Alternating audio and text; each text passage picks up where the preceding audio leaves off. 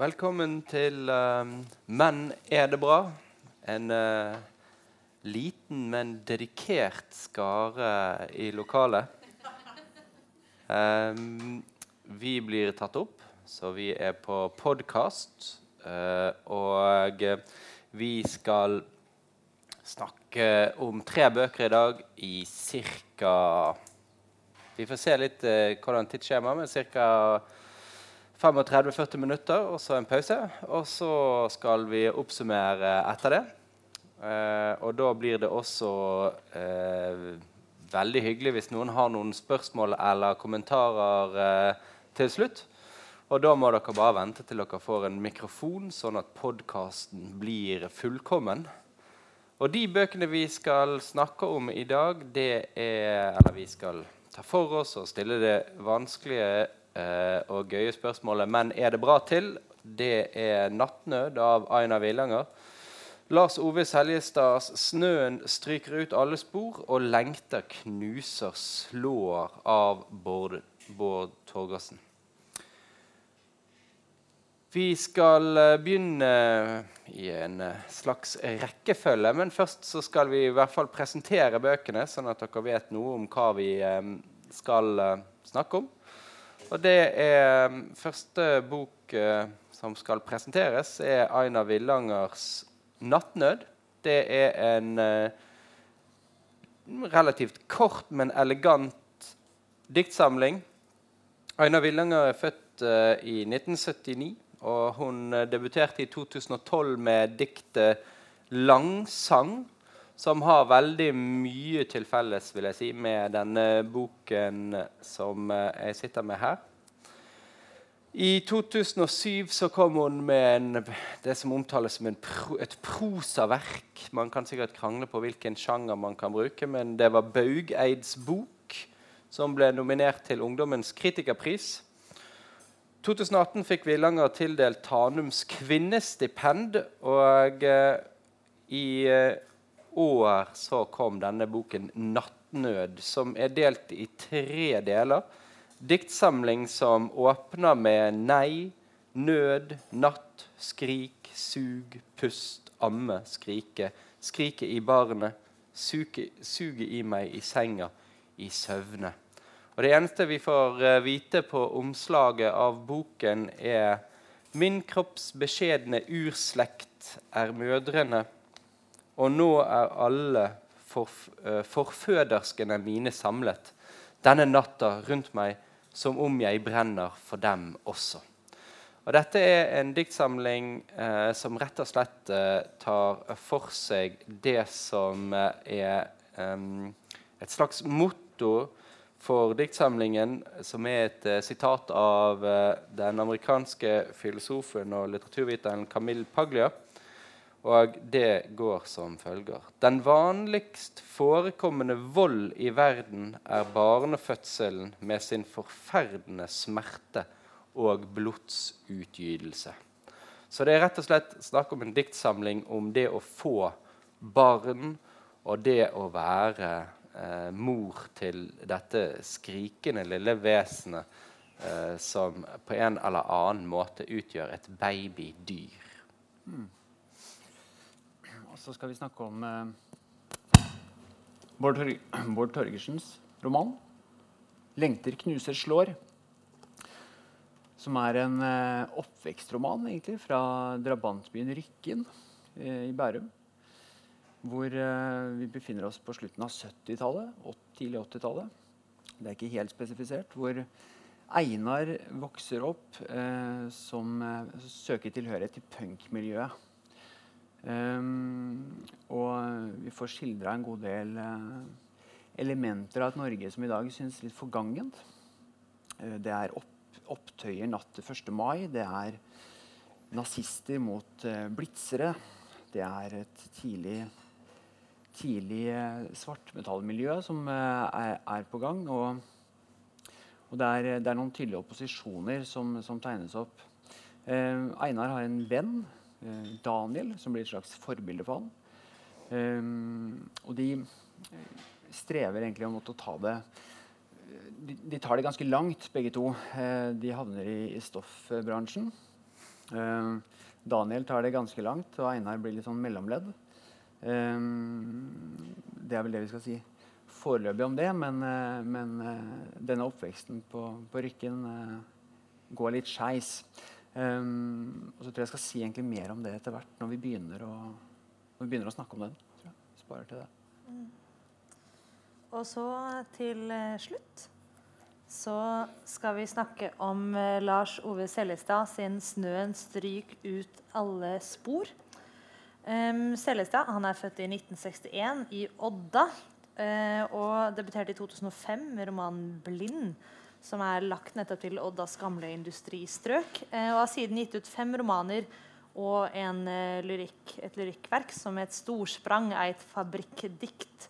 Så han er også glad i denne oddaske geografien, og har også skrevet en del om liksom, nettopp saga-inspirert eh, jordbrukslandskap. Um, så dette da blir jo hans eh, sjette roman og syvende bok.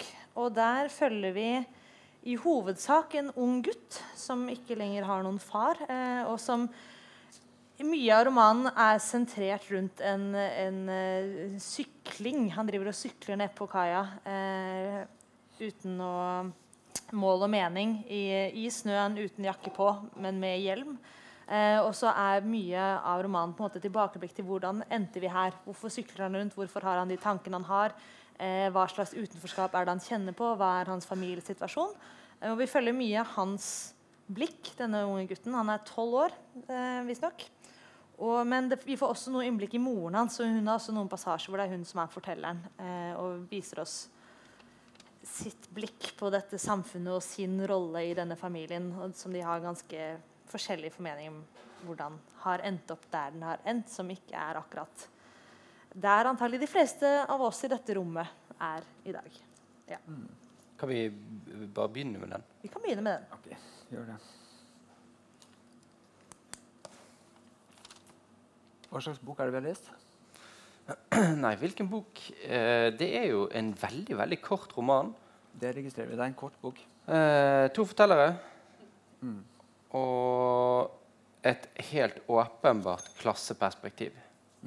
Eh, dette er eh, mor og sønn som på hver sin måte har Altså, hun har jo falt utenfor, men han er jo han er, og der er det jo litt Altså, refleksjonene hans allerede eh, viser at han forstår godt at han er utenfor.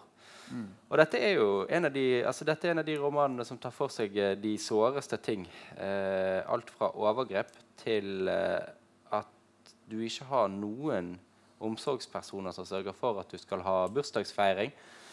Eh, men du panter nok flasker. da. Denne gutten panter nok flasker til at han eh, steller i stand sin egen bursdag. Og for en gangs skyld så vasker han huset og ordner klart med sin lillebror for å feire bursdag, og så kommer det ingen. Eh, så det er, er på en måte en veldig sår bok. Det er det. Det er jo en, den, en, familie som har vært fire, og nå er de tre. Og denne gutten som er hovedpersonen, da, må i stor grad ta seg av lillebroren sin. Vi vet ikke helt hvor gammel han er, men han er noen år yngre. Og, og mora, da, som, eh, som går på trygd, får vi vite. Og faren er, er gått bort. Hun har vel også en, en, sånn, eh, en sånn litt utskjelt uh, diagnose, har hun det? Hun har ME. ja. Ja, og uh, fibromyalgi, som gir slik kraftløse som kommer av ME-en. Så hun har eh, liksom disse uspesifiserte diagnosene. I tillegg så kommer det jo fram senere at, eh, at det, det er en slags eh, At hun, hun tar seg ikke så godt av, av guttene sine, men det er jo også en årsak til det etter hvert, får vi jo vite. da, At det er en, en distanse som har blitt skapt i hennes barndom eh, mellom hun og sin, sin far. Eh, men det, det kan vi jo kanskje ta etter hvert. Men det, det Ja, ja, det, det er liksom det som eh, Det er selvfølgelig den eh, åpenbare avsløringen at etter hvert så rulles hennes barndomshistorie opp.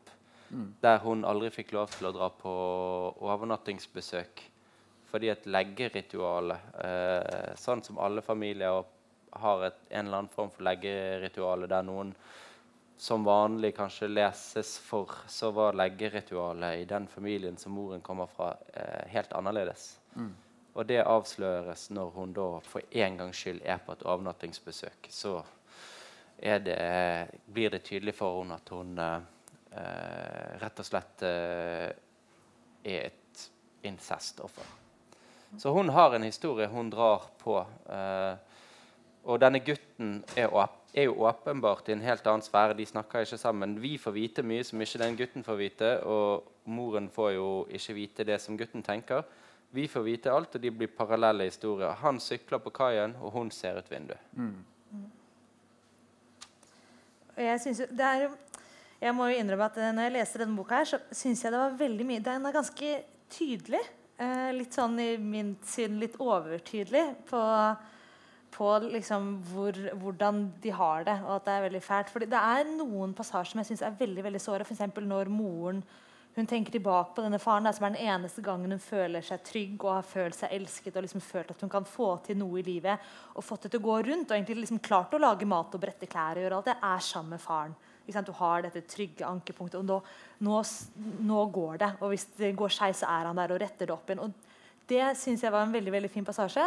Men jeg syns det er veldig mye i den boka som er litt sånn som dette sitatet jeg kan fant fram til nå, hvor det står Nei, livet som uføretrygda alenemor er slett ikke enkelt. Hun har sitt å stri med. Det er nå i alle fall sikkert. Hadde det ikke vært for henne, ville det gått til grunne, både yngstegutten og eldstegutten. Det hadde aldri klart seg uten henne. Det veit hun for sikkert. Og så er det jo, for det første denne, vi vet jo, eller Hvis vi skal tro på fortellerstemmen eh, som følger denne unge gutten, så er det jo han som gjør at denne familien ikke går til grunne. Og hans evne til å ikke si ifra til noen andre voksne, selv om han er nære på flere ganger. Han møter på eh, mødre til venner av, eller sine tidligere venner på butikken så spør ja, men hvordan går det egentlig med deg. Så holder han nesten på sine, men så holder han tilbake likevel. Og dermed så holder han dem unna barnevernet, for han vil ikke måtte splittes opp fra broren sin. Og det er masse sånn veldig veldig sårt. Men så synes jeg det er veldig mye sånn dette her som er litt sånn trenger vi å høre at moren sier at nei, livet som uføre, uh, uføretrygd alenemor det er slett ikke enkelt. Jeg synes Det er en veldig sånn overtydelighet i hvordan han legger fram situasjonen deres. som jeg synes at Når han ikke sier det rett fram, så er det så mye mer spennende mye, og mye sårere. Jeg får mye mer vondt meg av han stakkars lille gutten som går på butikken og holder på å si noe, men ikke gjør det, enn en mor som føler at hun holder familien sammen, men skal jo si at det er jo slett ikke lett for henne heller. liksom. At det blir så, og jeg, igjen da, så er det, dette ligner litt på forrige Men er det bra, så hadde vi noen spørsmål om ting er med vilje. Det kan hende at det er nettopp litt, at det er jo en ganske sånn usympatisk karaktertrekk å gå rundt og egentlig være den som som ikke klarer å holde sin plass i familien. Og det er jo virkelig på en måte ikke hennes feil. Det er jo nettopp snakk om overgrep og en lang tid på, en måte på vei ut av, av systemet og under skjevheten. Mm. Men for meg så er det egentlig ikke det at hun gjøres usympatisk, men jeg bare skjønner ikke hvorfor han ikke kunne gitt henne også litt sånn dybde og litt sånn subtilitet. Skal vi prøve å ta helt fra starten og så se åssen hun eh, skildres da? Det kan eh, for det sier også noe om stilen i, i romanen. Um, da siterer jeg på side 7. står det Hun står i stoveglasset og ser ut på snøen som fell. Enda godt det snør, tenker hun. Helt siden hun var liten jente, har hun vært glad i snø. Den hvite snøen som fell, som legger seg som laver ned fra den grå himmelen, som dekker til alt. Den hvite snøen gjør verden mjukere, visker ut alle skarpe kanter. Legger seg som mjuk bomull over landskapets åpne sår, osv. Så, så det er jo en, en, en, en søk etter, etter, trygghet for, for, hennes del. Um, ja, og så kommer du litt lenger ned på siden, da, som jeg streker Det er godt å slippe å se, tenker hun kjenner seg trygg når snø Jeg skal ikke egentlig legge den stemmen jeg merker at jeg gjør nå, men kjenner seg trygg når snøen lener seg mot stoveglasset og sletter ut været utenfor. Altså, så, jeg synes det er så veldig overtydelig at vi, vi, har på en måte kjent dette mennesket i ett sekund. Og så ser man at det, det hun gjør, er en sånn total tilbaketrekning fra verden. Og vi vil helst slippe at ting har konturer og få lov til å være i fred med seg og sitt eget. Og ikke konfronteres med at det er noe som helst utenfor. Alt skal på en måte bare være et hvitt ark da på utsiden. Og jeg, måte, jeg synes, for det som jeg synes er så liksom, Jeg synes jo historien av den familien som virkelig ikke Det går jo ikke. ikke det går jo ikke, og det kommer jo aldri til å gå i det lange løp. Eller så går det bare fordi han gutten ikke knekker sammen og klarer å holde familien sin gjennom det. og kommer til å måte, kanskje klarer det seg veldig bra i voksenlivet hvis han er heldig. Eller så kommer han på en måte til å slite veldig med å ha måttet dra denne familien gjennom i mange mange, mange år. Mens, Det tegnes jo ikke noe sånn voldsomt optimistisk slutt her, da. Nei, Eh, det Så gjør det det ser jo ikke ut til at det, det her kommer til å gå i det lange løp. Nei. Uh, men, men det som jeg er for så vidt enig i, og det som er et stort problem med denne lille boken, da, eh, som har veldig store temaer, og som man må Eller som i hvert fall jeg er veldig sympatisk innstilt til det som skjer her, eh, så er det jo eh, klart at det liksom, Selv om det også er litt klisjé, så er det jo et gammelt slagord som heter Uh, eh, Show, don't tell. Og her er det mye telling. Eh, og romanen er på sitt aller beste når den bare viser. For den har noen veldig gode og veldig sterke passasjer. Og det er jo klart at eh, Seljestad har, har skrevet bedre bøker før, og han har skrevet eh, bøker som nettopp viser ting eh, mer. Og han har noen veldig gode scener her, særlig eh, Dette er en, en mor som uh, bærer sin historie. Vi som leser får ikke vite om den før uh, mot slutten, da, men det er klart at vi skjønner jo at det er et eller annet hun står og ser i, i vinduet og tenker at snøen sletter alle spor, og, og tenker ikke over hvor sønnen er, og han sykler ute i en T-skjorte fordi han har bare én T-skjorte han er stolt av, og den, det er jo iskaldt. Men så må, måte, så må de forklare altså Han må forklare hvordan alt er, og, og jeg er enig med deg. Den, altså jeg, det er liksom nærmest sånn tegner denne klassetilhørigheten og denne refleksjonen hennes litt parodisk. Men så er det disse stedene hvor du faktisk får sånn rett og slett sånn glimt. Det er når gutten har med seg eh, De er på klassetur på smelteverket og ser faren eh, som manøvrerer en stor maskin. Han er liksom hjertet i smelteverket. og der er det åpenbart for leseren at det, det, treng, det, det trenger ikke, trenger ikke vi noe telling. Der, ser, der, der blir det veldig bra. Eh, og så er det en, en, en veldig flott scene når denne gutten skal bli bedt av læreren sin om å tegne et portugisisk Nei, tegne et Et sjødyr. Et, Et hav- sjødyr, ja. Havet. han, blir tegne, han vil tegne et sjødyr, og så han, finner han ut at han skal tegne et eh, portugisisk krigsskip. Og så sier jo læreren at det er jo ikke et dyr. Og så sier denne gutten at det, da, det er jo det. det, det, så vil han ikke røpe det, og så det så, så til slutt så må han da løfte frem 'Vi menn' og bilde av en eh, stor brennemanet som heter et portugisisk krigsskip. Så istedenfor å si det, og da blir jo denne læreren helt rasende og sender han til rektor, selvfølgelig. Kommer der med alle klassen ser eh, midtsidepiken. Og, og det, det, det er der er no telling. Da. Der er det bare Da, da er vi der. Um, så den Jeg er enig med Hanne Belén. Altså det, det er noen ting der du går over grensen, men det finnes jo som ansporinger i hele boken på at, at prosjektet er veldig tydelig. Den scenen du uh, skisserte der, er veldig veldig fin. Så det er liksom barnet som virkelig tenker at uh, Ja, men jeg har jo rett. Det fins jo noe som heter portugisisk krigsskip. Jeg, sitter, jeg skal bare vise resten av klassen at uh, Bare vent. Og så går det skeis. Det sånn Ja, eh, det peker litt mot Bård Torgersen. Og der er det, en, det, det er motkultur. Da. Han vil ikke si at Ja, men hør her. Et portugisisk krigsskip det er en brennemanet. Nei, nei, nei. Det vil han ikke. Han er mot. Og, men det jeg er fint altså, fordi Jeg er enig i det også det du sier, Frode, med den der eh, scenen med faren på smelteverket. Men jeg tenker egentlig generelt så tror jeg det gjelder mange av de scenene som er liksom fortida. At de syns jeg veldig mye mer om. Både for gutten som tenker tilbake på faren og tenker tilbake på den familien de hadde, men også når moren gjør det. For da får hun plutselig mye mer altså Da har hun en mye mer sympatisk karakter. For da ser man mye mer hva hun har mistet og hva hun har vært gjennom, enn denne personen som sier, og sier ja, ja, det er hardt å være alenetryddemor. Eh, da har man plutselig et bakteppe som er på et eller annet vis han liksom ikke klarer å formidle i nåtiden. At når det liksom har kommet til nåtiden, så synes jeg på en måte da, da har du liksom glemt all den eller jeg i hvert fall, den tyngden og den liksom flottingen som, som lå i bakgrunnen. Og det jeg også synes er fint med den portugisiske krigsskipssekvensen, er egentlig ikke selve sekvensen, men han blir jo sendt til rektor. Og rektor prøver jo å spørre liksom, ja, hvordan går det egentlig med dere nå som faren din er borte.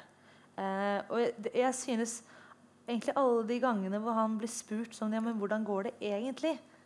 Det er noe sånn utrolig såre øyeblikk. Hvor, og du har jo så lyst til at han skal si sånn Nei, det går skikkelig til helvete.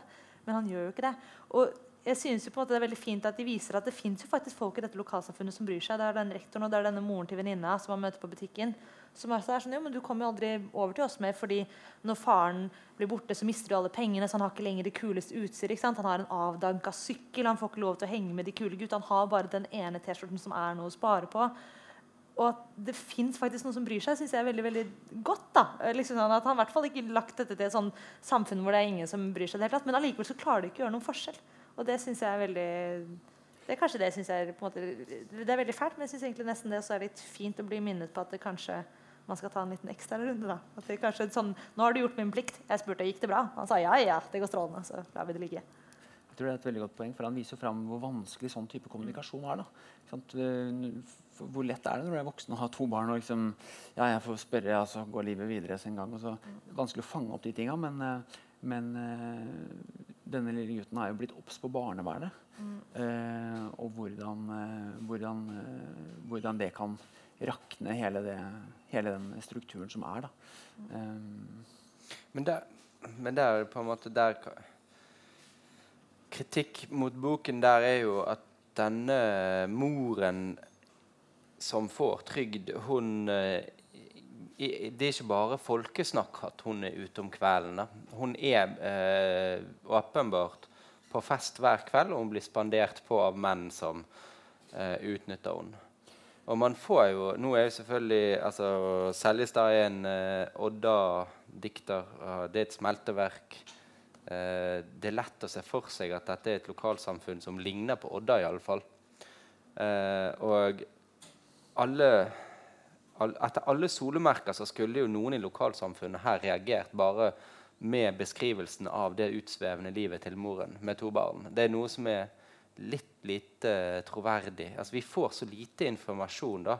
Men hvis en lite lokalsamfunn Du har en alenemor eh, som er ute hele tiden, eh, og en sønn som på en måte er på vei ut, og at eh, det er noe her som jeg vet ikke. Kanskje er velferdssamfunnet mer under debatt enn jeg uh, vet om. Men jeg syns det er litt det er litt rart at ikke denne, dette som du sier, at skole, skolen tar litt mer tak. Jeg er litt usikker på om det hadde, hadde skjedd. Men det er jo kanskje, hvis vi skal gå over til Torgersen, så er det jo på en måte eh, Der får vi ikke vite noen ting om hvor hovedpersonen kommer fra. Nei, det altså- kunne jo vært uh, en, eh, en omsorgssvikt i bunnen der uh, som kunne lignet, iallfall. Mm. Den, uh, jeg tenkte kanskje jeg egentlig skulle lese opp starten, bare sånn at vi får litt sånn uh, hva slags bok dette er. Altså det, det, er, det starter altså med at Litt sånn som med Seljestads Det tar litt tid før man liksom får satt hva, hva dreier dette seg egentlig om. Hvem er det som, Hva skjer? Hvor, hvor er vi igjen? Men det er altså en hoved, hovedperson, Einar, som sitter et sted og han har uh, ødelagt armen sin, og han sitter og tenker tilbake. Og, og går da gjennom eh, store deler av oppveksten sin. Eh, og så forstår vi da helt til slutt eh, hvorfor han sitter i dette rommet og venter på dem. Ja, Men du skjønner allerede helt i begynnelsen at han har ikke bare slått armen sin. Altså, Han er på flukt fra et eller annet. Han er, han er på flukt, absolutt. Det er en slags spenningsroman. så den er det, mye, eh, det er veldig sjeldent jeg har lyst til å, å bry meg om at man kan ødelegge en leseopplevelse. For man må jo snakke om den. Men i dette tilfellet så er det litt sånn skal vi nå si hvorfor han sitter der og er skadet? Det, det, det liksom? uh, fordi at det, dette er faktisk lenge siden jeg leste liksom en sånn uh, tre, uh, Hva skal man si sånn, Du lurer på hvorfor. Jeg vil ha, jeg vil ha fortellerens og fortellingens gåte løst. Hvorfor sitter du nå bare der? Det, det, det har et sånn thrillerelement, men det er jo sånn oppvekstroman. jeg tror vi mm. må kunne si det. Pakket inn på et måned. Pakket inn. Så det er liksom, det er jeg skulle lese åpningen, og sånn vender det tilbake til hele tiden. Og så spinner denne fortellingen ut eh, ved at han tenker tilbake. Begynner, romanen begynner sånn. Huset på den andre siden av veien virka så fredfullt, men det var et bedrag. Snart kom, kom de til å komme. Armen hans verket. Einar ville reise seg, men han kunne ikke. Han skulle ikke gi seg. De skulle ikke klare å ta ham. De trodde de kunne skalte og valte med folk, ta seg til rette, ture fram som de ville. De var ikke vant til at folk tok igjen. Og han var ikke som andre. Han kom ikke til å underkaste seg. Det var de som skulle straffes, ikke han. Einar var kald. Det svei i den høyre armen. Han blødde, og i huden satt det glassblinter han ikke klarte å få ut. Han forsøkte ikke å se på sårene, hvilte blikket på tatoveringen han hadde fått hamra inn med en synål en gang for lenge siden. Han hadde nettopp fylt 14, satt i rommet til en fyr med vanvittig intense øyne. Det var den fyren med øynene som hadde brukt nåla. Han bodde helt innerst i kjelleren på et okkupert hus på Grünerløkka osv. Da, da er fortellingen satt, og så rulles, rulles denne oppveksten opp. Og vi skjønner at det er en, en fyr som uh, har kjempa. Hvem er de? Det, det, settes allerede her eh, oss Nei, hva er det eh, Ikke oss og dem, men jeg mot røkla. Mm. Altså, det, altså her er det motkultur. Det er det. De trodde at de kunne skalte og valte med folk. Hvem er de, og hvem er folk? Mm. Ture fram som de ville, men han var ikke som andre. Mm. Og denne rammen eh, det begynte, eh, det, det gikk, Jeg begynte å mistenke det ganske fort at dette kommer til å være hele boken. Uh, fordi etter Hvor skal boken gå etter hvert uh, hvis, får, hvis, hvis, vi skal flytte oss fra denne scenen?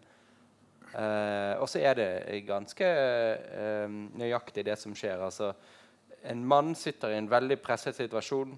En tatovert mann som er oss mot de. Eller egentlig sant? det er anarkist. Han er jeg mot, mot, samfunnet. Og han sitter der, og det er etablert en veldig distanse, eller i hvert fall veldig mot, mot, Han er ikke som oss.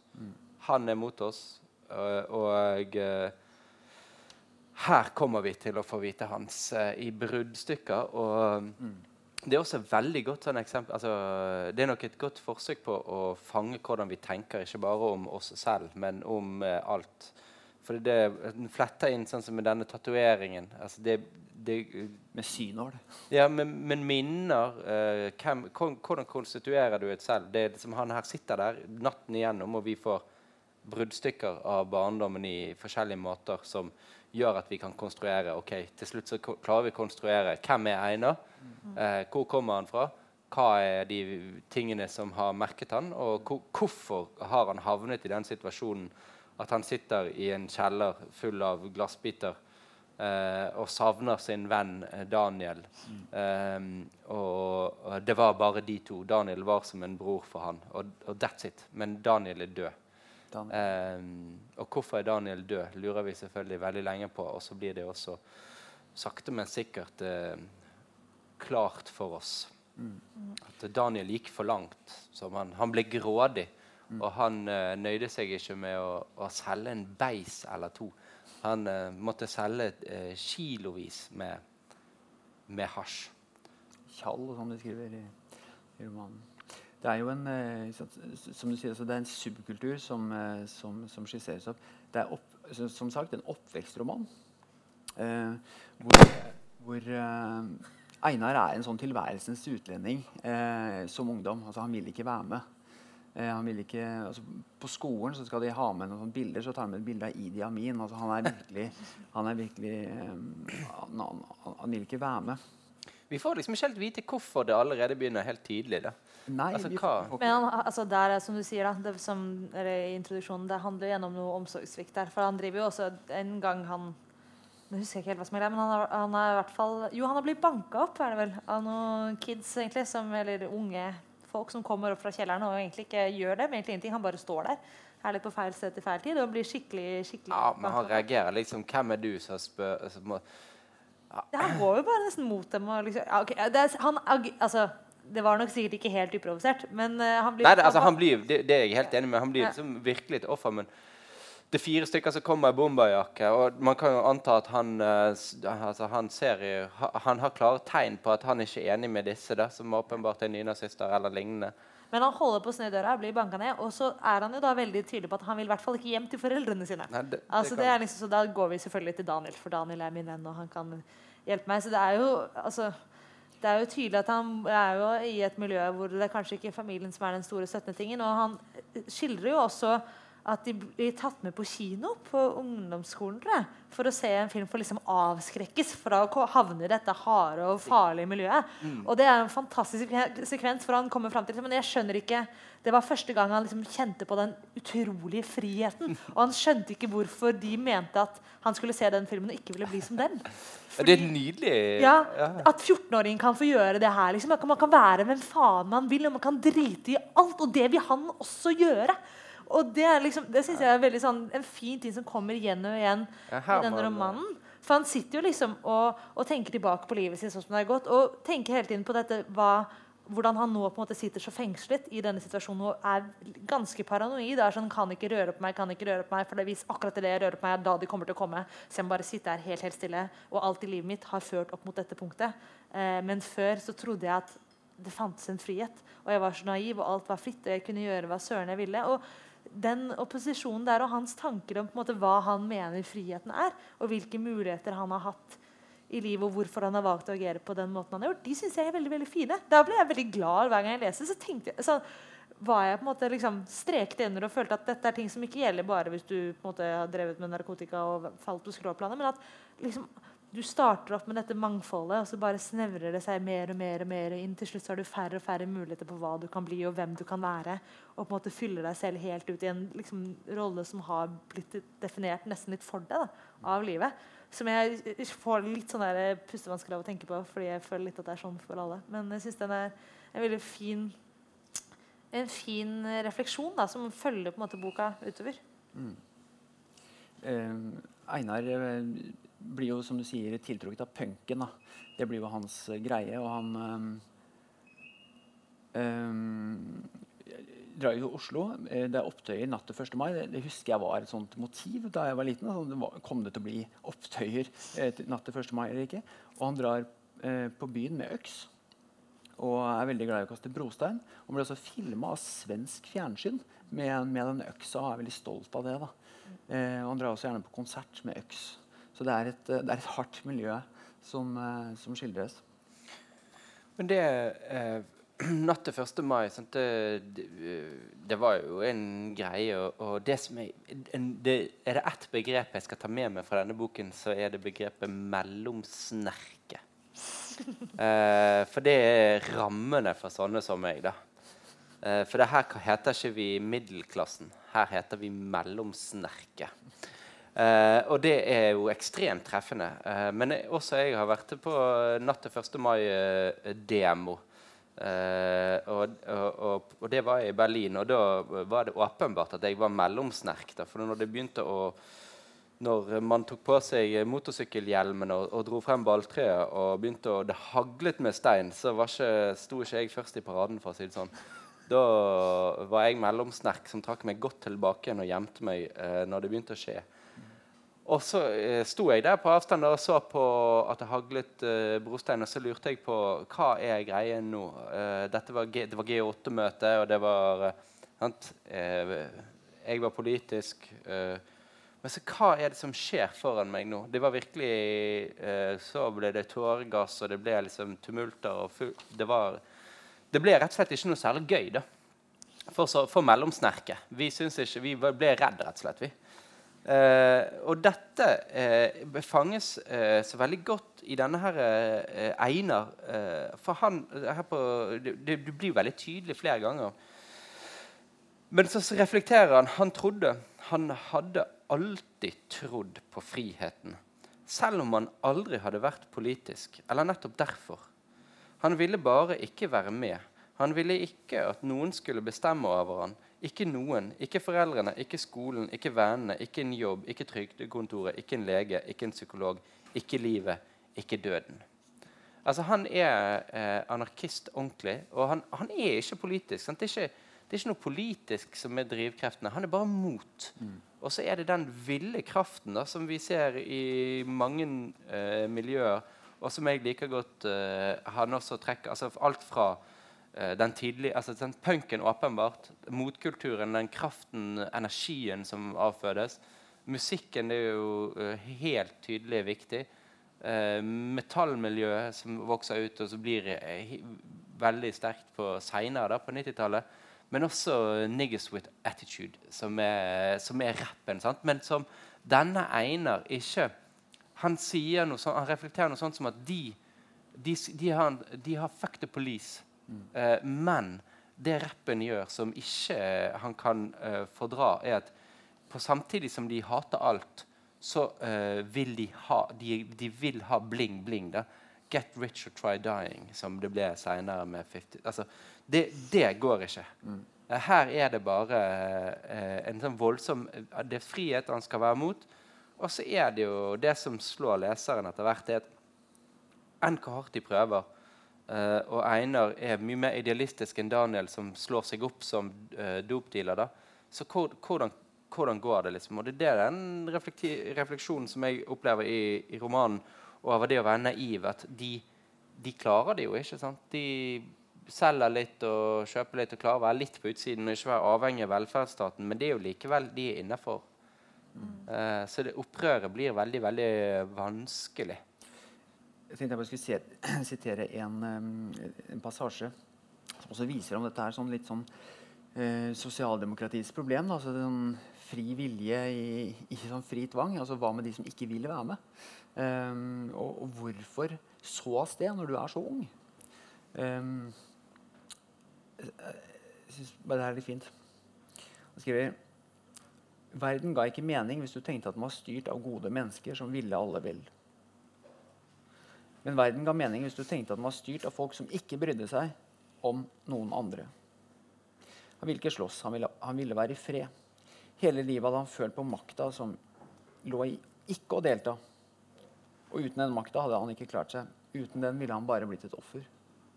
Det var det verste han visste når noen så på ham som en som trengte hjelp. Trodde han var en de kunne hjelpe, sånn at han kunne bli sånn som dem. Så han, han, hvor kommer dette her fra som liten? Altså, um, jeg leste det som at punken og subkulturen den gir han en, en identitet, en mulighet. Men det har også en, en, en, en, en, en motside, nemlig at den, den har destruktive elementer ved seg. Altså, den type kultur. Altså, han, han, eh, han, han, herper et hotellrom med øks. Han eh, Altså, han går jo rundt med øks når han er veldig ung. Ja, når han ung. som bare har hjemme en øks. Det, kan- det, er jo, det er jo ganske spesielt. Og, og det, er, det er dette miljøet i, i Skippergata i Oslo som var altså før det ble Blitz. Også Blitz er jo mainstream i denne boken. Det er jo de som er eh, kaller det noe sånt som eh, Jeg husker ikke, men altså, når du blitt Blitz, det er Distriktspunkere Det, det, er de som, eh, sånn liksom, det er de som har uh, løpebane. Det er de som har karriere innenfor uh, noe. Mens han er jo distansert fra Blitz, og det er før Blitz. Og, og når man river Skippergata i Oslo Hei! Da begynner vi. eh, Håper vi alle har eh, fått seg eh, den pausen de trengte. Og vi tar for oss siste bok før vi kommer tilbake til de to vi har diskutert, og stiller eh, vårt hovedspørsmål Men er det bra? Hva syns dere om uh, nattnød? Du begynner. Hva, skal jeg begynne? Uh, hva jeg syns? Overordnet altså. er er en veldig fin bok. Nei, men uh, det, er, det er jo denne diktsamlingen da, som er delt i tre, og som handler om moderskapet. Og særlig den første delen så syns jeg det er en veldig sånn scenisk framstilling. Jeg følte nesten at det var litt som et skuespill.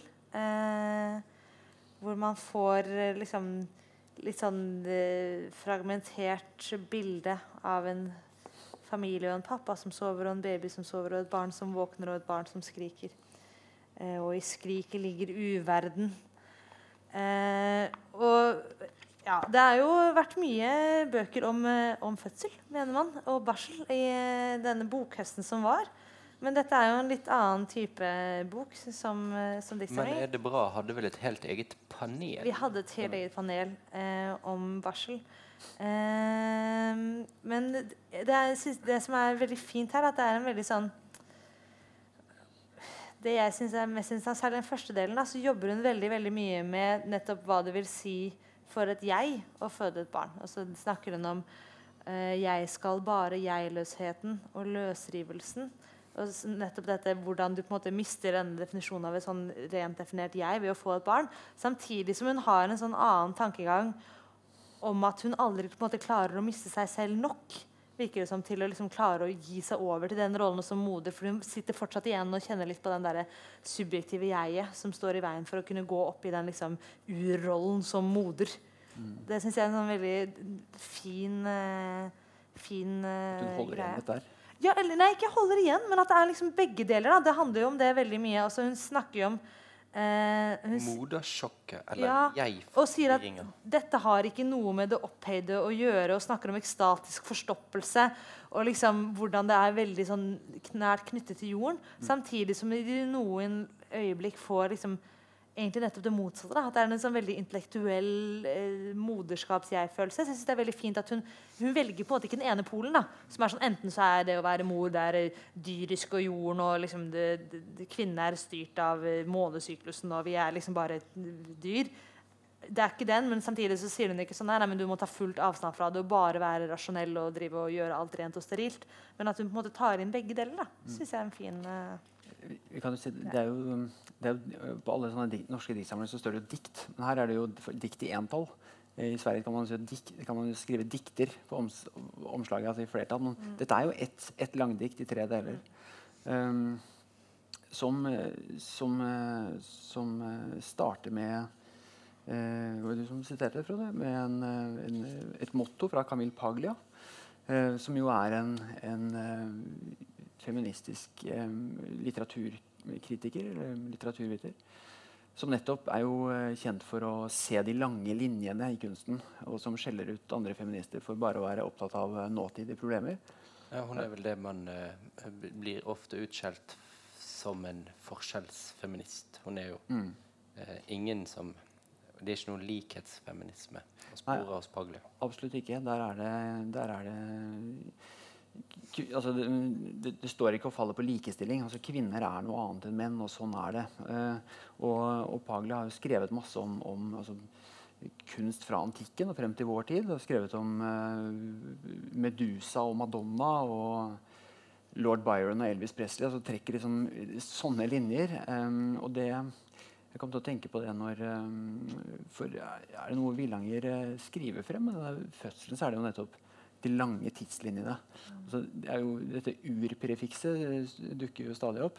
Det er ur, og det er steppemennesker, og det er steinaldermennesker, og det er, det er liksom ikke måte på hvor Det kommer i hvert fall utover i boken. Uh, mer og mer. Altså, I begynnelsen av boken så er det en mor og et, en baby. det er det. Og så uh, og, og, en slags sånn uh, undersøkelse av om de er ett, eller om de er to.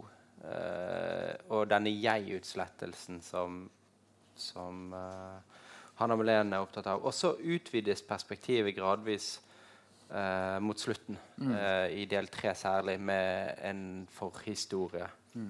Og, det, og Paglia er jo en, eh, en på en måte litteraturfilosof, eller man kan krangle om det da. men hun står nå i hvert fall i eh, forlengelsen av Nietzsche. Og det er veldig mye her eh, altså denne, Det står bakerst her at denne diktsamlingen har blitt blitt til i dialog med Camille Paglia, Inger Christensen, Eldrid Lunden, Jenny Tunedal, Maggie Nelson, Claudia Day og Monica Aasprung. Så kommer det da altså det, det er ikke noe skjulte referanser her. Ehm, og Paglia altså, Den nitsjanismen som Paglia oppviser, den finnes også eh, tydelig i denne boken. Og jeg tenker eh, at for eh, det, det, er liksom, det er nesten litt som å føle at du gjør et overgrep hvis du skal lese høyt eh, fra denne samlingen og eh, som mann, for dette er så distinkt eh, en mor som har språket. Og Derfor er, føles det veldig rart å skulle lese det som uh, mann. Men det er, det, det er liksom det, første sekvens her som virkelig skrur det til. Mamma ammer. Mamma spørsmålstegn, sier jeg ikke. Jeg sier jeg. Skal bare inn på kjøkkenet litt. Jeg skal bare. Jeg-løsheten. Løsrivelsen. Og man blir jo helt altså, Med et veldig dårlig og lite poetisk Kunne aldri stått i denne boken. dårlig ord. Man blir jo helt idiot når man er forelder. Altså Man sier 'pappa skal', 'mamma skal'. Og det er jo eh, det, er jo det som er hele det, det, det, eh, Den konflikten som Hanna Melene tegner opp, den er helt konkret. Hun snakker til denne kjøttklumpen. 'Mamma skal bare litt.' Sant? Den kjøttklumpen ligger der. Er bare liv. Er bare liksom en liten eh, baby. Og hun mister identiteten sin. Hun er bare mamma. Altså, hun er, skal, vil være mye mer, og det kommer jo videre mot eh, diktets slutt her at mamma er forfatter, og, og babyen er også et dikt. Eh, altså det, det å skrive og, og, Det er mange ting som går inn i hverandre, men det er et åpenbart problem for denne eh, fortelleren her. Det blir bare, Du er bare en funksjon. Og da kommer det også noen sånne eh, utrolig flotte eh, passasjer her om å eh, om å være er bare en Hva er det står her, da? Uh, er jeg bare en beholder, eller noe? Ja, fordi det tenkte jeg, for Hun sier nei, dette er ikke en kjønnsskjebne, ikke et jentesyndrom. Er vi en fosterboks, genbeholder, melkemaskin, fostringsfabrikk eller identitetsutslettelsesstudium? Og det vesle rekeskallet mitt av kjøtt og blod og sjeloppløsning, jeg-forsvinning. Hva hva, hva er man som menneske etter at man er født? Så satt jeg igjen med, med, Man er kropp, og man er liv. Det er det som jeg får inntrykk av her. Og skrik og uverden og ekstatisk forstoppelse. Sånn, det er jo, jeg syns kanskje den første delen fungerer best. Um, at det, den er sånn språklig friskest. friskest. Så hun skriver om dette barnet, og så står det Ansiktet en vridd klut. Flott bilde. En åpen, tannløs munn. Et hull hullet et gommegap. Brølesangen en pipende fugleunge. Fuglungen en fisk på land. Ansiktet nødrødt. Og så er det mer dette eksistensielle at hva, hva, er man etter at man har født? Altså, eh, bare sitere sånn, det er sånn som du snakka om, Frode, eller sånn tullespråk. Det er sånn Nuss, nuss, masse nuss, se på barnet. Er du der? Er vi der nå? I liksom-mor-barn-symbiosen liksom menneskesammenspjæringa. Mm. Altså Vi tar til på nytt, samtidig som vi skaper død. Altså, dypt eksistensiell uh, beskrivelse. Ja, og det er um, konflikten mellom å være et jeg-tap, at du bare blir der for et barn, mm. uh, så går det som er mottoet gjennom boken, da, at det er vold. Den vanligste forekommende vold i verden er barnefødselen med sin forferdende smerte og blodsutgytelse. Side 10. Naturen skaper, sier filosofen, gjennom vold og ødeleggelse. Kvinneskjønnets eksplosjon, fødselen, er en enehersker som kvinnen alltid må underlegge seg. Og alt dette hører selvsagt hjemme i gi-og-gi-kontrakten mellom moderen og barnet. Og det tegnes opp selvfølgelig noe samfunnsmessig, og det blir tydeligere og tydeligere utover i boken at det er eh, en en verden utenfor disse to. Og man kan begynne å, stille spørsmål ved hva gjør vi når vi føder barn til verden i eh, dyp krise.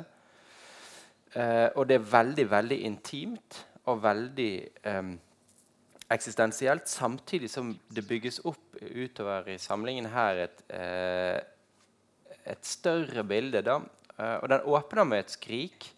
Det er vanskelig å identifisere innimellom om det er moderens skrik eller fødselens skrik, eller om det er babyens skrik. For det er klart at det er veldig mange uh, ganger at ungen skriker, og at følelsen som mor når den lille eh, babyen skriker, hvordan det er.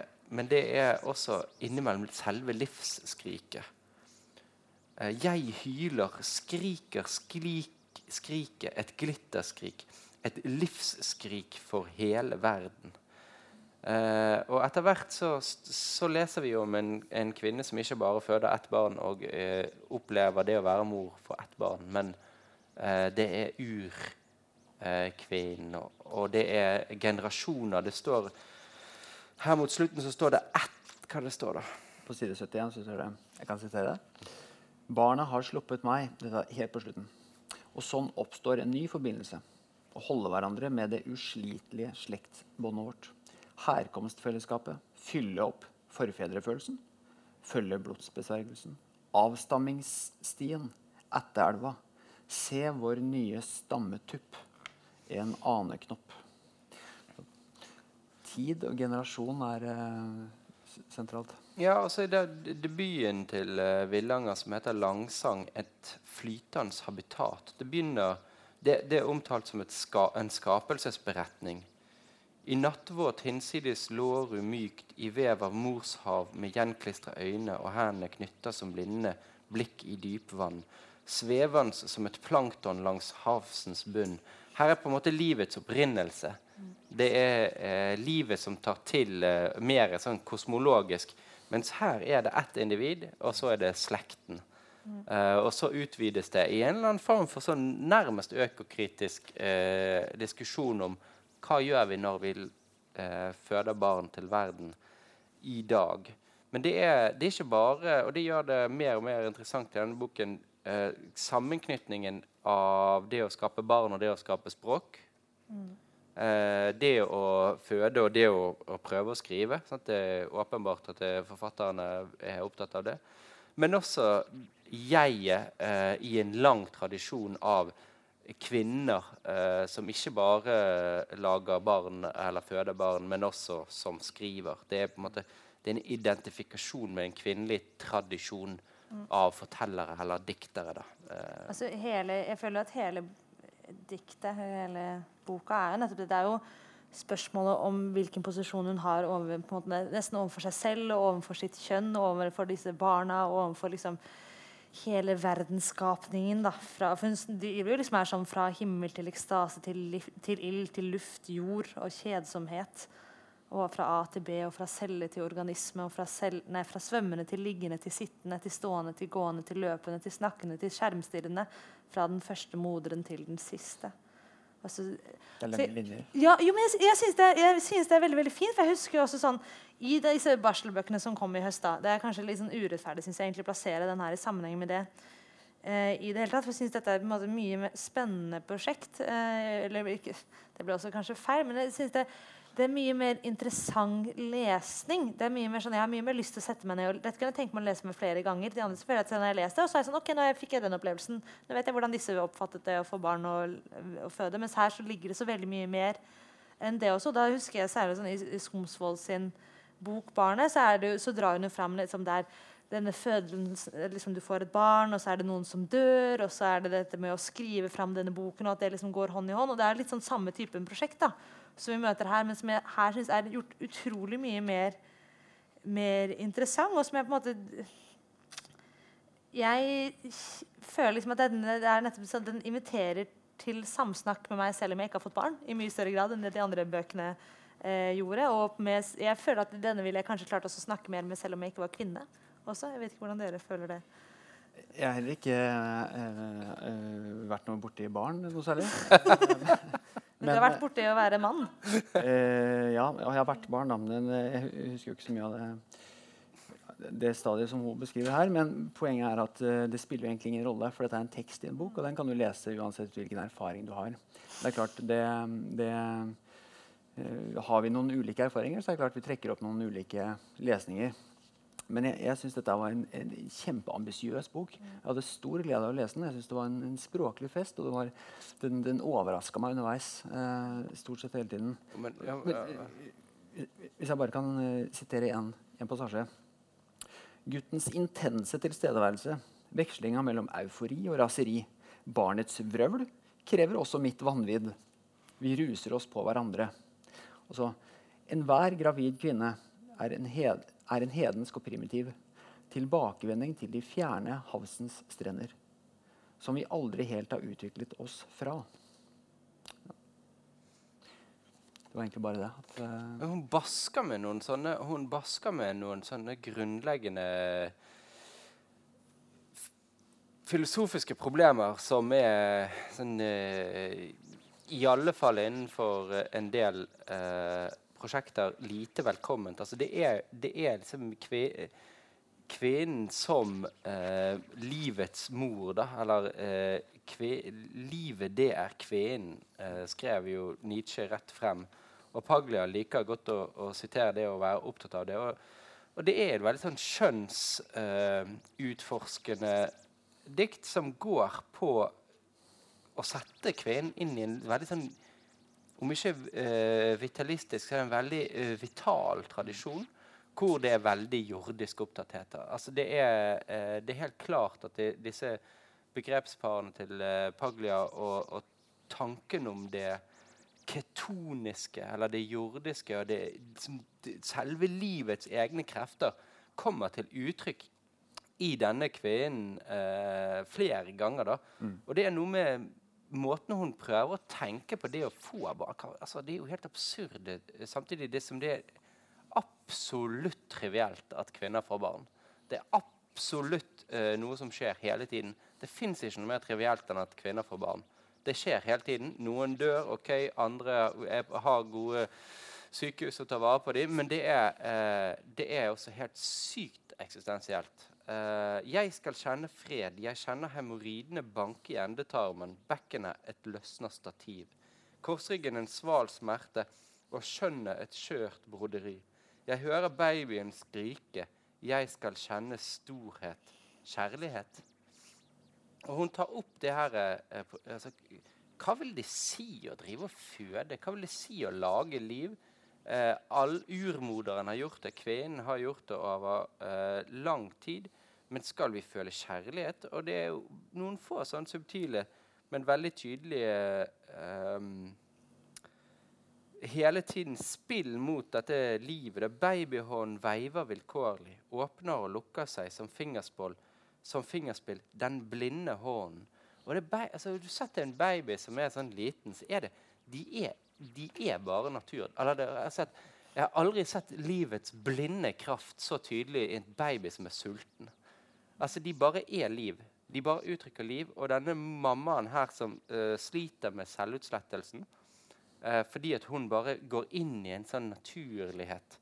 Og der uh, utforsker jo Villanger på en måte ja, skjønn, eh, sosialt konstruert, eh, født sånn, blitt sånn, de, de tåpelige eh, identifikasjonene som er rett og slett Hun utforsker noe som er mye større grad enn det vi, når vi diskuterte barsellitteratur.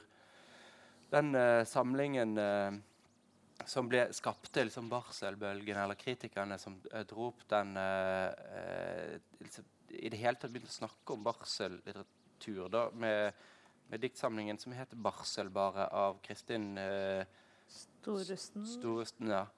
eh, som var mer med humor og sånn. Men her er det et, et, forsøk på å tenke på og tenke over både skjønn og eh, det eksistensielle på en måte nullpunktet ved å, å, å, lage barn. Og så utvikler det seg eh, fra å være en veldig sånn intim eh, situasjon Her er jeg, og jeg er bare mamma men jeg vil også være noe annet. Hvordan skal det være? Til at det blir en Hun leser uh, de samme bøkene, Ludde og et eller annet. altså De her tullete bøkene som jeg òg har lånt på biblioteket og lest. liksom. Og så blir det mer uh, dagens trilletur. Tenke ut hvert sekunds potensielle overraskelse. Det er utrolig trivielt å være mamma. Uh, men vi gjør det, og det er også som det, det, det, er liksom, det nettopp den vekslingen mellom det trivielle og det er bare livet eh, som du tar del i. det. Mm. Men det, synes jeg, for det, det her går jo på den vekslingen mellom For nå har vi snakket mye om denne urmoderen og urmoderskraften, og her kommer plutselig den der, ja, denne trilleturen, og hun skriver ned i filofaksen hva som skjer, og det gjorde også hennes mor før henne. Og det, det jeg syns er så fint, fordi jeg syns at hun klarer å utforske nettopp begge sider på samme, samme tid. Og så har hun for også en setning hvor det står at intet barn behøver bevise at det er et barn på den uutholdelige måten en moder må bevise at hun er en moder. Så der igjen så er vi igjen på noe helt annet, for da er det tydeligvis ikke nok da, å kunne være denne urkraften og ha født dette barnet, men du må likevel hele tiden gå og på en måte kulturelt bevise at du er moder på den riktige måten innenfor de rammene vi har å befinne oss for. Og Tenk så mye, altså Det er jo ingen som føler seg mer sett og overvåket enn moderen er i dag. Gjør jeg noe feil? Gjør jeg noe feil? Ja, og så, det, så, får du på en måte Du får både den Men dette, for hun har jo også en, en, situasjon hvor hun sier at hun skal amme, og så sier liksom kroppen hennes sier at ja, dette, eller, dette har jeg visst gjort. Ingenting har forvirret meg mer enn den selvfølgelige oppgaven å legge barnet til brystet for første gang. Dette kan jeg, sa menneskeslekta til meg. Dette har jeg visst gjort før, sa jeg til meg selv uten å kunne huske det. Så du blir på en måte hevet ut i denne rollen som er sånn Jo, men du er jo kvinne, du har født, og du vet hvordan det er å være mor. Samtidig som du får den ekstreme sånn Men gjør du ikke dette på den riktige måten? Nå har du jeg vet ikke, vasket den flasken på riktig måte før du ga den til ungen din. Altså, det er, og jeg synes hun klarer å få til det spennet så utrolig godt uten at det føles ut som det er noen gnisninger. eller at du liksom jeg vet, ikke, jeg vet ikke hva hun gjør, men jeg synes det er helt fantastisk gjort. At hun klarer liksom å nå ut og kommentere alle mulige aspekter og synsmåter nesten på det der moderskapet og fødselen og det å være kvinne. nesten, Og liksom tidssituere det samtidig som du er i liksom, det kosmiske. Jeg synes det er helt fantastisk. Jeg blir veldig glad. Og så er det jo uh, nattnød. Det er veldig flott ord. da, Nattnød. Uh, det er jo ingen mann her. Altså den, I den grad det opptrer en far så er han sovende. Uh, men det er jo noen fedre som har opplevd nattnød uh, og lite søvn. Og, og, det er jo Det, det er veldig um, klart. Og det, det, var, var, det, er en del kritikere som har kommentert at boken sklir liksom ut mot slutten. Uh, den, den, er ikke like konsentrert. Dette intense mor-barn-forholdet Eh, blir, som det starter med? Som det starter med, måtte utvides mot slutten. Og flere kritikere som har vært opptatt av at liksom det, det, hun taper grepet på en eller annen måte. I hvert fall sånn som jeg leser kritikken. Mens eh, hva skal man si, det man ofte får inntrykk av, er hvor kommer samfunnet inn? Hvor kommer, og sånt at disse her, eh, litt sånn skjematiske spørsmålene til litteratur, litteraturkritikeren. Hva er det samfunnsmessige, Og så Men Det er jo helt åpenbart i de to andre bøkene vi har her, at det er liksom klasse og det er motkultur. og mens her er det bare det moderen som natur og som et eh, moderne jeg i dag. Konflikten mellom de to. Og som helt åpenbart er veldig viktig for alle som får barn, omtrent. I hvert fall som sitter rundt om. Hvor blir det av meg? Altså, eh, dere, altså alle vet jo det når du møter folk som har fått barn. De, de, altså de blir jo helt eh, de, de mister jo altså, Alle vet det. Uh, det går et par måneder før de finner seg sjøl tilbake igjen. Og det er den konflikten som på en måte begynner med her. Hvor ble det av meg? Er jeg bare, er jeg bare moder? Altså, Hva vil det si? Og så utvides perspektivet. Og jeg er litt jeg, jeg vet ikke. Jeg syns eh, kanskje ikke at den uh, taper seg så mye. Da. Det er et forsøk på å tenke inn en tradisjon. Det er forsøk på også Og, der, der, kommer det kommer noe veldig politisk med liksom er, er, jeg den samme som moderen for 10 000 år siden? Mm. Og så har du den der økokritikken da, som du også var inne på, som kommer mye veldig eksplisitt på slutten. Hvor det er sånn Hvem er denne gutten? Hvordan vil han bli? Angren over å ha skapt et barn. Jorda er allerede full. Jorda gråter allerede. Jeg skal passe på deg til jeg dør. Altså, liksom, den, eh, det er men jeg syns jo også sånn fordi I første del så er, føles det mer sånn generelt. Da, sånn, da har vi hele tiden den jeg-konflikten slash moderkonflikten. og hvem er vi, hvordan har vi det? Og så I del to så har vi mer den sånn konkrete sånn Nå blir babyen større. Jeg mente, følte det i hvert fall da jeg leste den, at jeg skrevet ned at det blir mer konkret. og liksom mm. sånn, Da er det ikke et hvilket som helst barn, da er det dette barnet som blir større, og som har en bror. Og så I tre så jeg klarte ikke å følge den like godt. da Så jeg skjønner kanskje litt hva de mente der, men jeg synes jo ikke nødvendigvis at den taper seg. Jeg følte at det gikk på meg, at det var min, mitt hue som falt av. Så, altså, etter hvert så er det sånn eh, etter at det, du begynner å slå inn noen eksistensielle sånne kiler, så, så skriver hun nettopp at uh, helt mot slutten så, så skriver hun min, min natur er naturens. Jeg er det, eier den ikke. Jeg eies. Sukk. Jeg rakk aldri å ønske meg deg. Hvor er rommet mitt? et ark. Altså en åpenbar nikk til Virginia Woolf. Uh, at du jeg må finne mitt eget sted igjen. Jeg må finne mitt, uh, mitt og så skrive dette her. Uh, og det kommer jo frem helt mot slutten at, at hun har skrevet. Uh. Ja, for hun slutta jo der. var jeg synes det var utrolig flott. Sant? Men så er det fortell, meg om de, fortell meg om min skapelse, sier barnet.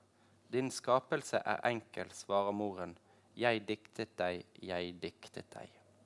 Og da har vi lest barnet, sant? Og, og, det står, får vi jo oppvist. Og jeg måtte jo si wow, det her uh, synes jeg likte jeg godt å måtte tenke over og bla litt frem og tilbake. Og så kjente jeg det litt igjen, og hvor kom dette fra? Og så står det jo helt klart tydelig at uh, Eldrid Lund 1977. Og strofen 'Fortell meg om min skapelse' er plukket fra et diktet barn, Monica Aasprong. Sånn her, hun slutter jo på en måte med en homasj til uh, andre som har diktet, mm. diktet om uh, barnet. Men det som her skjer Jeg kan ikke forestille meg noen av de uh, guttene her, for det er også en gutt her, overhodet som har fått den omsorgen som den, dette barnet her får. Nei, det, og det er jo kanskje hele utgangspunktet for de to andre romanene. At disse barna som eh, vi møter, eller disse guttene som er guttene, mennene Eller Lars Ove Seljestads eh, er jo en gutt, da. Men de har jo ikke, fått, de har jo ikke hatt denne moderen. Altså Nei, det barnet til Anja kommer til å være sånn der, eh, klimastreiker. men, Stå på barrikaden og rope. Det blir bra. Det blir en bra kid. men, men på slutten har hun født et barn. Altså, for, for meg så spiller det ingen rolle. Altså, vi har lest en tekst om det, så, så det er helt greit at hun har dikta det opp. Men det jeg var egentlig litt nysgjerrig på, er det greit å ha, ha så mye sitater inni, en, inni et diktverk? Så, hva syns dere om det? Altså, forrige gang så leste vi Sofus Greni, som hadde litteraturliste bak i, i en roman. Er det som eh, Er det greit at det brer seg? Altså, jeg synes jo dette er helt fint. Eh, jeg synes ikke Det er noe det er jo mye dette verket har kommet til inspirasjon av, og så har hun enkelte sånn linjer som hun sier at dette kommer konkret herfra og herfra.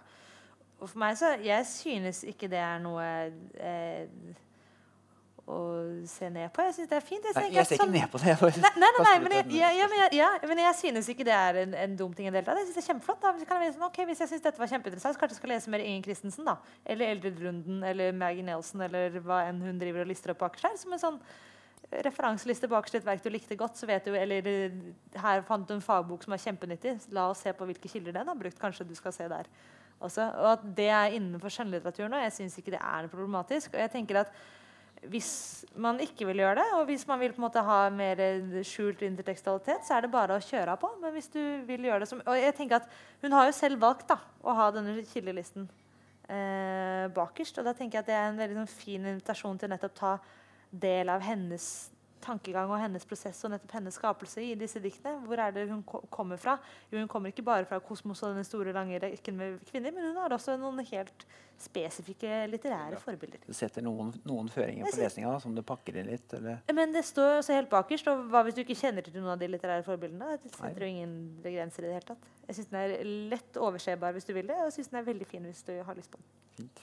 Men det er, et, det er jo et åpenbart eh, forfallstegn. Syns du det? Jeg skjønner ikke hvorfor det er det. Ja, fordi at det er jo eh, altså, nei, vi kan si det om forlag eller forfatter, men det er jo Kanskje ikke så mye her, men sånn Sofus Greni altså de, Det, har, det, har jo skjedd, er det har jo skjedd noe det, altså, En har jo blitt tatt på å ha Um, tatt for mye tekst Um, ganske Ja, men her, det, det er jo helt åpenbart. Du er markert på svensk og alt. men Altså, det er jo helt åpenbart. Du vet jo det. Aina Villanger debuterte jo rett etter Erlend O. Nødtvedt med et langdikt. Mm. Uh, han debuterte med 'Harude', så hun kom like etterpå med, min, også en skapelsesberetning. sant? Eh, han om, om harudene og sånn. Og begge to bruker helt uh, tydelige sitater. Du vet at det er sitat, men det står ikke hvor det er fra. Mm. Men det er jo noe med nysgjerrigheten, men også rett og slett med at du skal forvente at leseren kan noe. da.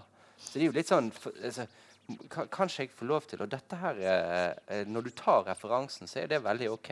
Men, ja, men jeg tenker også sånn, hvis du ikke hadde tatt referansen og ikke hadde stått bakerst, så hadde det på et eller annet tidspunkt oppstått noen lesninger av dette som hadde pekt deg til den referansen. Så hvis du ville finne Ja, av det, nettopp, ikke klarte å finne ut av det selv, så hadde du funnet det uansett. Så på en måte, spørsmålet er om du står bakerst i en bok, eller om du må google to ganger først. da. Hvis, Ja, nei, kanskje hvis du ikke det- kjenner det konkret fra før av. Det kan jo også gå det er et 15 år da, før endetidstegn, man kommer, kommer. komme Det er et gult Mye annet. Så jeg syns at det er mer endetidstegn enn at vi har sitater som vises hvor de er fra. Det, det, eh, men det i hvert fall Jeg opplever det også litt som en eh, Men det er jo rett og slett helt eh, irrelevant, egentlig. Men det er litt fornærmende. Dette Eh. bør jo jeg vil eh, Dette skal jeg vite, fordi jeg, eh, jeg, jeg ser referansen. Jeg vil ikke bli fortalt det når jeg ser Alle andre kan også si at ja, det der var jo faktisk Paglia. Men, ja, men ja, hallo! Eh, Så, så du har lyst til å kunne være bedreviter? ja, selvfølgelig. Men altså, det, er jo, altså. det må jo få være Jeg syns det er veldig Jeg synes det er kjempehyggelig å få lov til å, å inviteres inn i samtalen med bedrevitere uten å måtte føle at jeg er kjempedum. Takk for sitatet tilbake. var veldig smart. Ja. Nei, men, det, men jeg, jeg synes det, det, det er jo en prinsipiell sak. rett og slett, altså, eh, Handler det om uh, redelighet? I så fall så går det an å på en måte altså, Jeg tenker at det handler om at hun har lyst til å vise hvor hun kommer fra. ja, Jeg tenker ikke at det handler om redelighet tatt. Sofus Grene tenker at det handler om at han har lyst til å vise hvem han har lest. Aina Villanger her føler jeg at hun har lyst til å vise hvilket univers det er hun skriver innenfor. og hvor Ja, man kan gå det- videre er- Jeg føler ikke at hun har gjort dette her fordi forlaget har sagt at oi, oi, vi må passe på at ikke noen tror at du har stjålet dette. her, Nei. fordi det står i kursiv og er utøvet på siden. Og det tror jeg er helt riktig. Jeg er helt enig i det. For her peker du jo Dette er jo uh, på en måte Det er jo Bliksens forteller uh, uh, som, som en, altså på en måte Det er en kvinnelig fortellertradisjon eller en kvinnelig dikttradisjon som trekkes opp. Og som hun ønsker å gi kred. Ikke det motsatte. Ikke at hun skal være redd for noe plagiat. Og det trenger altså det, måte, det er ikke det, det, det er ikke et tema. Uh, det er mye mer at uh, her er, Jeg tror jeg er helt enig med deg. At det hun ønsker her, er bare å vise til at det her, dette er de jeg står på skuldrene til. Så det er jeg helt enig i. Nei, jeg, jeg, jeg, er ikke, jeg er ikke helt uenig, men, eh, men jeg bare registrerer at det er en tendens. Og bare for å kommentere Sofus Greni. Altså han eh, hadde jo en, en uh, tittel som var lånt fra, fra Rob Grie. Og jeg, jeg ble litt fornærma når jeg så det. Altså, altså, selvfølgelig Jeg skal ikke si at jeg vet det, men jeg har i hvert fall lyst til å finne ut av det sjøl. Om det er sånne ting. Um, Det så jeg syns det ble litt for, in, eh, for insisterende. Men uh, du avslutta egentlig fint med, med omsorg på den eh, Ja, så Disse her, uh, guttene vi møter i, de andre bøkene, har ikke fått denne omsorgen. Og jeg tror vi skal uh, runde av nå med rett og slett uh, spørsmål. Og, men er det bra? Er det bra? Eh, Bård Torgersens bok er, eh, den er ikke bare bra, den er veldig bra. Um, det er en oppvekstroman som eh, Jeg så Jonas Bals i Klassekampen kalte den for sin tids Beatles. Var ikke det? Jo. Um, og jeg, jeg tror ikke noen har altså Det er skrevet om drabantbyer og det er skrevet om uh, punk og ufyselige unger og sånn, men uh, her så er det liksom Det er så hardt at uh, du får ingen sympati med han med den hardheten hans, da, selv, om du, selv om du skjønner at han har hatt en, en kjip oppvekst. Um, det eneste som trekker ned litt, er at det er litt, det er litt språklige klisjeer. Han sånn, eh, han skriver sånn sykt og laglig til for hugg og flagrende gevanter. og Det syns jeg trekker det ned litt. Men, eh, men, men som en eh, roman så er det nesten så bra det blir. Også. Oi, Så den er, den er bra. Skal vi ta, tar vi roman per roman, da? Eller skal vi ta en samlet vurdering? Nei, det må du, nå må du bare skyte. Ja, Nå må jeg bare skyte på Torgersen. da. Jeg syns også Torgersen er, er fin. Jeg syns ikke det er den beste romanen eller oppvekstromanen jeg, jeg har lest. Eh, men dette er jo også langt fra min virkelighet, da. den han skildrer, selv om jeg er oppvokst i Oslo. Men det er jo nettopp ikke Rykken, og det er ikke punkmiljø. Og det er eh, en beskyttet oppvekst som sikkert har en mor som ligner mer på en av Villangers mor. Som passet godt på meg. Eh, men jeg syns det er en veldig interessant roman. Jeg synes det, jeg synes det, er, altså, det som er ho min sånn hoved liksom, positivitet dette at jeg tror veldig på denne romanen. Jeg tror på denne måten å tenke på og denne måten å liksom takle verden på og havne i det miljøet på. At det er, jeg synes den klarer å vise at ikke alle som er liksom kule og tøffe gutter, er nødvendigvis bare kule og tøffe gutter, og at du har valgt så veldig å være det. Altså, jeg tror vi kan ha litt godt av hele tiden å bli bevisstgjort hvordan man kommer seg hvor man er i verden. Og det er jækla mye på en måte miljø og flaks og hvor du startet opp. Eh, men så syns jeg også måten han reflekterer over sin plass i samfunnet og den utenforskapen og tanken om frihet og livet og liksom alt sammen er veldig veldig fin. Eh, så syns jeg kanskje at den iblant er litt sånn Iblant kunne det vært kutta ned litt. Det syns jeg innimellom. Men jeg syns den er veldig, veldig flott. Ehm, ja, det var min uh, tanke på Bård. Altså, dette coveret eh, Blir man Altså, appellerer dette coveret, så er du klar. Eh, hva lyser dette coveret? Lengter, knuser, slå, gul skrift, en hest, svart Det er på en måte Det lyser Det, det, det er jo på en måte I hvert fall jeg vil tenke liksom, det er jo litt, Dette ser litt ut som en mannebok. Og jeg syns det er det også. Eh, det er på en måte langt fra Det er Jeg er litt usikker på denne boken. For det er klart at det er mm, Du skal ikke dømme en bok på omslaget. vet du. Nei, men det er nettopp Jeg kom meg langt forbi omslaget. For det er noen ting denne boken gjør veldig, veldig bra. Og så syns jeg at det, det som vi skal her altså, Det er rammefortellingen. Det er en mann, Einar, sitter og forteller sin historie. Eh, det er et veldig driv. Hvorfor er han i den situasjonen han er? Hva er det som gjør at hele armen er full av glass? Hvor, eh, hvor kommer han fra? Hva er det? Og det drives opp historien. Jeg blir veldig interessert i den. Og Bedre nå? Og jeg blir veldig eh, fascinert over denne Einar. Samtidig så gir man en fortellerstemme til en uh, fyr her som jeg ikke alltid tror på. Og jeg, det er veldig språklig Ja, man uh, kunne blitt litt sånn irritert på denne Einars språkbruk. Kunne vært litt uh, mindre Her også er klisjeene tydelige. da. Men det som denne romanen gjør, som, som jeg lenge siden jeg har lest, det er um, denne Igor som vi snakket litt om i sted. Uh, denne mannen som ikke passer inn på Rykken, som er en uh, flagrende gevanter, homoseksuell, sitter i tangaen på uh, Soler seg på balkongen og er, er liksom en som ikke burde være der, mener mellomsnerket. Og så er han den eneste omsorgspersonen. Og det her er det sjelden jeg har lest en sånn en overgrip hva si, et overgrepsoffers historie om å ikke være offer så tydelig som her.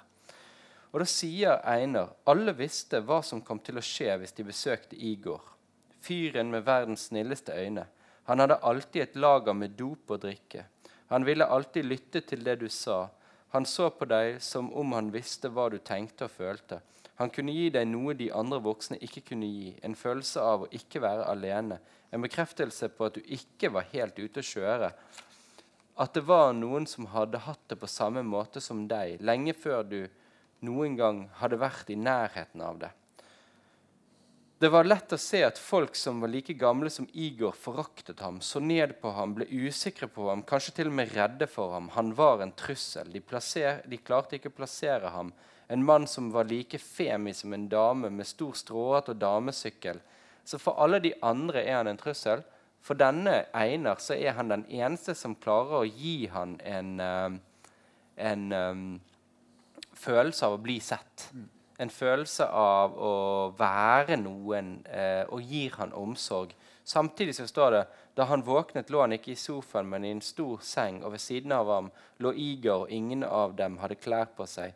Og han så at Igor lå og stirra på ham, og en liten stund etter en liten stund krøp den lange og skranglete kroppen helt inntil han, og han hadde tenkt på faren sin, og han ble så kvalm samtidig som han følte et behov for å bli beskyttet. Alltid kunne være på et sted hvor det var noen som så ham, som ga ham all oppmerksomhet, og han hadde kjent hånden til Igor på magen som krøyt nedover skrittet, og han snudde seg bort, og Igor presset seg inntil ham. Og det er noen eh, ting i denne boken som tegner veldig tydelig at Einar eh, Hvor han kommer fra, eh, det, er det samfunnsmessige. Men det er også det psykologiske av at det er ingen som ser eh, sånne som Einar. Mens overgriperen Igor han tyster ikke på han. Han eh, kommer aldri til å si at han var bare en overgriper. Han ga han også det som ingen andre voksne ga. Og det var et veldig godt portrett for min del eh, i denne romanen over hva det, hva vi, vi, vi, skal alltid demonisere, vi skal alltid si at du bare er en overgriper. Men det åpenbare her, som jeg synes er veldig, veldig godt gjort, er at en overgriper også er en omsorgsperson. Og det er det som er så jævlig vanskelig med, med de. Eh, og, og, romanen er medrivende i den forstand at vi får denne rammen. Hvorfor er du det? Og jeg syns at uh, det som er det virkelige omdreiningspunktet, er Daniel og Einar.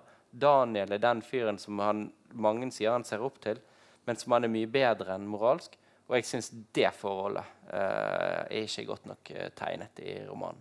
Jeg syns ikke Daniel og Einar uh, Jeg ville aldri tenkt om en kamerat sånn som han gjør. Det, de blir liksom Jeg syns ikke det er ikke så troverdig som resten av romanen. Men jeg syns romanen var usedvanlig mye bedre enn sitt omslag. Men samtidig så må jeg si at det opptrer en hest i denne romanen. Og, er det særlig troverdig? Det opptrer noen ting i Bård Torgesens forfatterskap eh, som går igjen, som er helt fantasy eller fantastisk. Mm. Altså, denne Einar står og slår og pisker på en død hest som plutselig reiser seg. Det er åpenbart at han er død.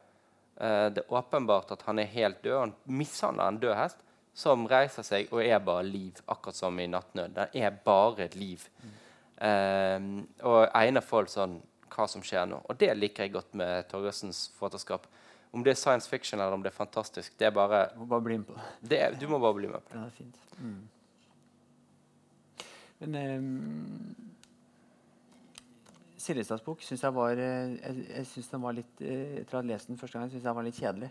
Jeg syns det var litt uforløst og litt for uh, tydelig. Uh, og så bladde jeg den i, i, går, og da fikk jeg en mye, mye tydeligere tydeligere um, respekt for den ambisjonen som denne boka også har. altså hva den ønsker å, ønsker å gjøre. Og jeg tenkte også bare koble på dette med omsorgssvikt. Altså, eh, det ble tidligere fortalt at eh, mora til denne gutten har vært, har vært utsatt for eh, også for overgrep. Uh, og det har satt seg sånn at eh, hun, hun, oppfører seg med sønnen sin på en, på en, spesiell måte som gjør at han, han, legger merke til det. Og så skriver han på slutten av boka hun holder han liksom feil på et vis. Magen hennes, låra og armene kjent så kantete. Det var ingen hvil i deg.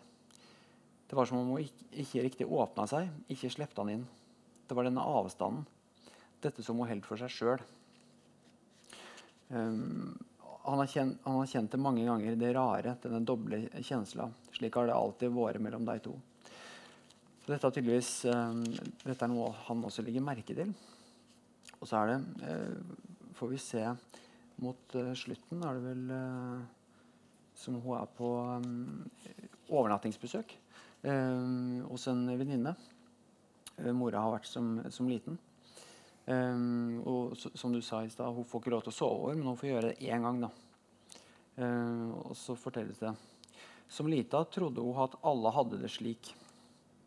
At det var helt normalt. At det var slik alle fedre gjorde når de sa god natt til jentene sine.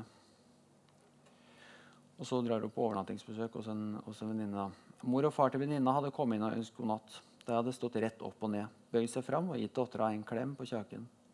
Til henne hadde jeg bare smilt og sagt at hun måtte sove godt. Det likna, det likna ikke det hele på de godnattrutinene hun var vant med. Hun hadde ligget lenge og kjent på dette uvanlige, dette rare.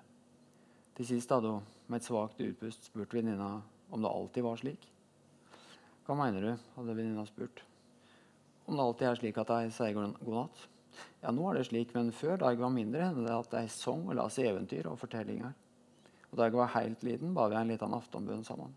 Hvorfor spør du? Hos dere. Nei, ingenting glapp ut henne. Jeg bare lurte. Så sa hun ikke mer. Så er, han, han, har en, han, har en, ambisjon om å skrive frem en, en sårhet i, i, et norsk 2019 som er ganske um, ubehagelig å lese her også. Mm. Jeg tenker det ligger mye altså, Potensialet ligger i det du sa at det er noe han også legger merke til om denne gutten. At han også legger merke til at moren er kantet annerledes. Fordi jeg tenker egentlig Både i Torgersens bok og her så er det jo snakk om barn som må bære på en måte skjebner som kanskje er litt for store for dem. Da. Eller de tar store ansvar og får roller som de absolutt ikke burde hatt. Og det syns jeg på en måte egentlig selvsagt det, Så det er jo nettopp der jeg syns at denne boka her er litt fin. Det er nettopp når vi viser, møter dette barnet i møte med de voksne, hvor han også kommenterer at jeg har lært meg å oppføre meg sånn som de voksne. Jeg klarer å lyve sånn at ingen ser det på meg, og si at alt er bra.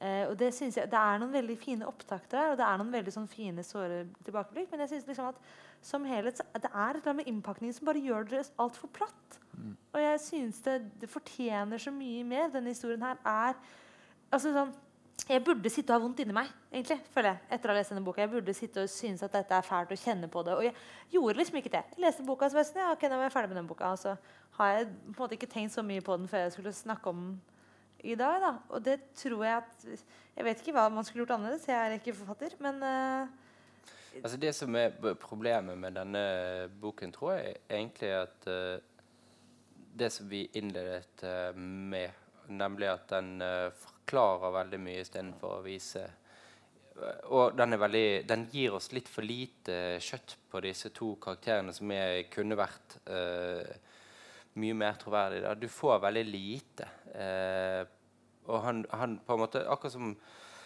fortelleren her ikke ønsker å gi oss det vi trenger for å tro litt mer på dem.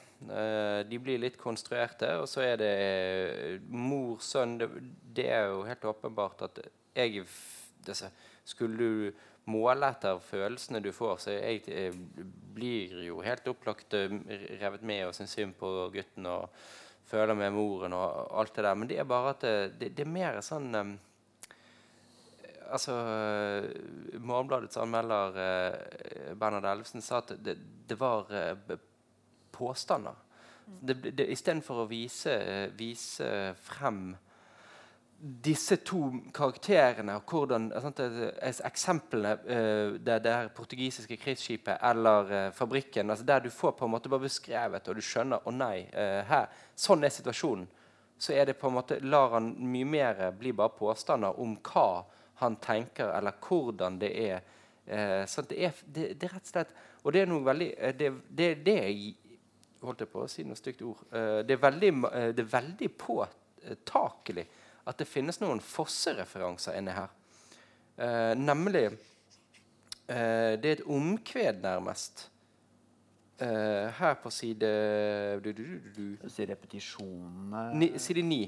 Veit at ingen kjem til å komme. Uh, og så kommer det eh, Dråper i Austavind? Ja, det, ja det, det, er overalt. Men det er også uh, Dette det kom, Altså mot noen kommer til å komme. Det går gjennom Noen ville ha ringt til mor. Noen ville ha kalla henne inn til et møte. Det er hele tiden noen kommer til å komme, eller kommer ikke til å komme. Og det er jo hele eh, den situasjonen av at noen kommer til å ta Hvis han gjør noe, hvis han røper seg, så kommer de til å ta fra han lillebroren og familien. Eh, og at noen kommer til å komme, men det kommer jo ingen til å komme. Så Det drives et, også er intertekstuelt spill her, og det er ingen referanse til uh, min kamerat eh, Jon Fosse bak her. på en måte. Men det er jo klart at der Fosse eh, jo stort sett aldri forteller bare viser, så har Seljestad gjort mye av det motsatte. Og det gjør at ikke Jeg klarer ikke å helt være med på notene i, i, den boken. Mens 'Nattnød' er rett og slett en, en diktsamling som krever masse av meg, og som jeg vil si jeg må bare fortsette litt å altså det, den, det, det, det, skjer tenkning her. da. Det er dikt på den måten at det faktisk tenkes. Mm. Uh, og det, det beskrives det, det, går an å lese fort hvis man vil det, men det er jo klart at her det skjer en genuin refleksjon over moderen og barnet og livet og jeg-utslettelsen og skrivingen eh, som jeg setter veldig stor pris på i denne boken. Jeg er kanskje litt treig, men jeg brukte faktisk to kvelder på å lese den. der. Altså. Eh, den, den, ga meg veldig mye. og den var, eh, Det var mye å spare med. Det var, liksom, eh, det var, det var mye Det tok, tok, tok, litt tid å fordøye. Men jeg, jeg, jeg syns det var en veldig ambisiøs og vellykka, et, et vellykka dikt. Mm. Som jeg gir mitt, mitt besyv på. Så den, ja, den var bra. Mm. Mm. Det er vel alle enige om. Og det er også absolutt den boka jeg har streket mest i og lagd mest eselører i. Og for meg så er det, altså, det er ikke et tegn på at jeg hater boka, som noen sikkert ville synes som er sånne som mener at du ikke skal kludre. Men jeg syns det er fordi det var veldig mye av det er en sånn bok jeg tenker at jeg veldig gjerne kan komme tilbake til mm. igjen og igjen. Og lese i nye livssituasjoner og nye steder og hele tiden finne nytt. Så det gleder jeg meg. Mm. Det er en sånn bok jeg er glad for å ha i bokhylla. Ja. Rett og slett. Den er ikke ferdiglest? Ikke i det hele tatt. Det er et godt tegn. Mm. Takk for oss. Takk for oss.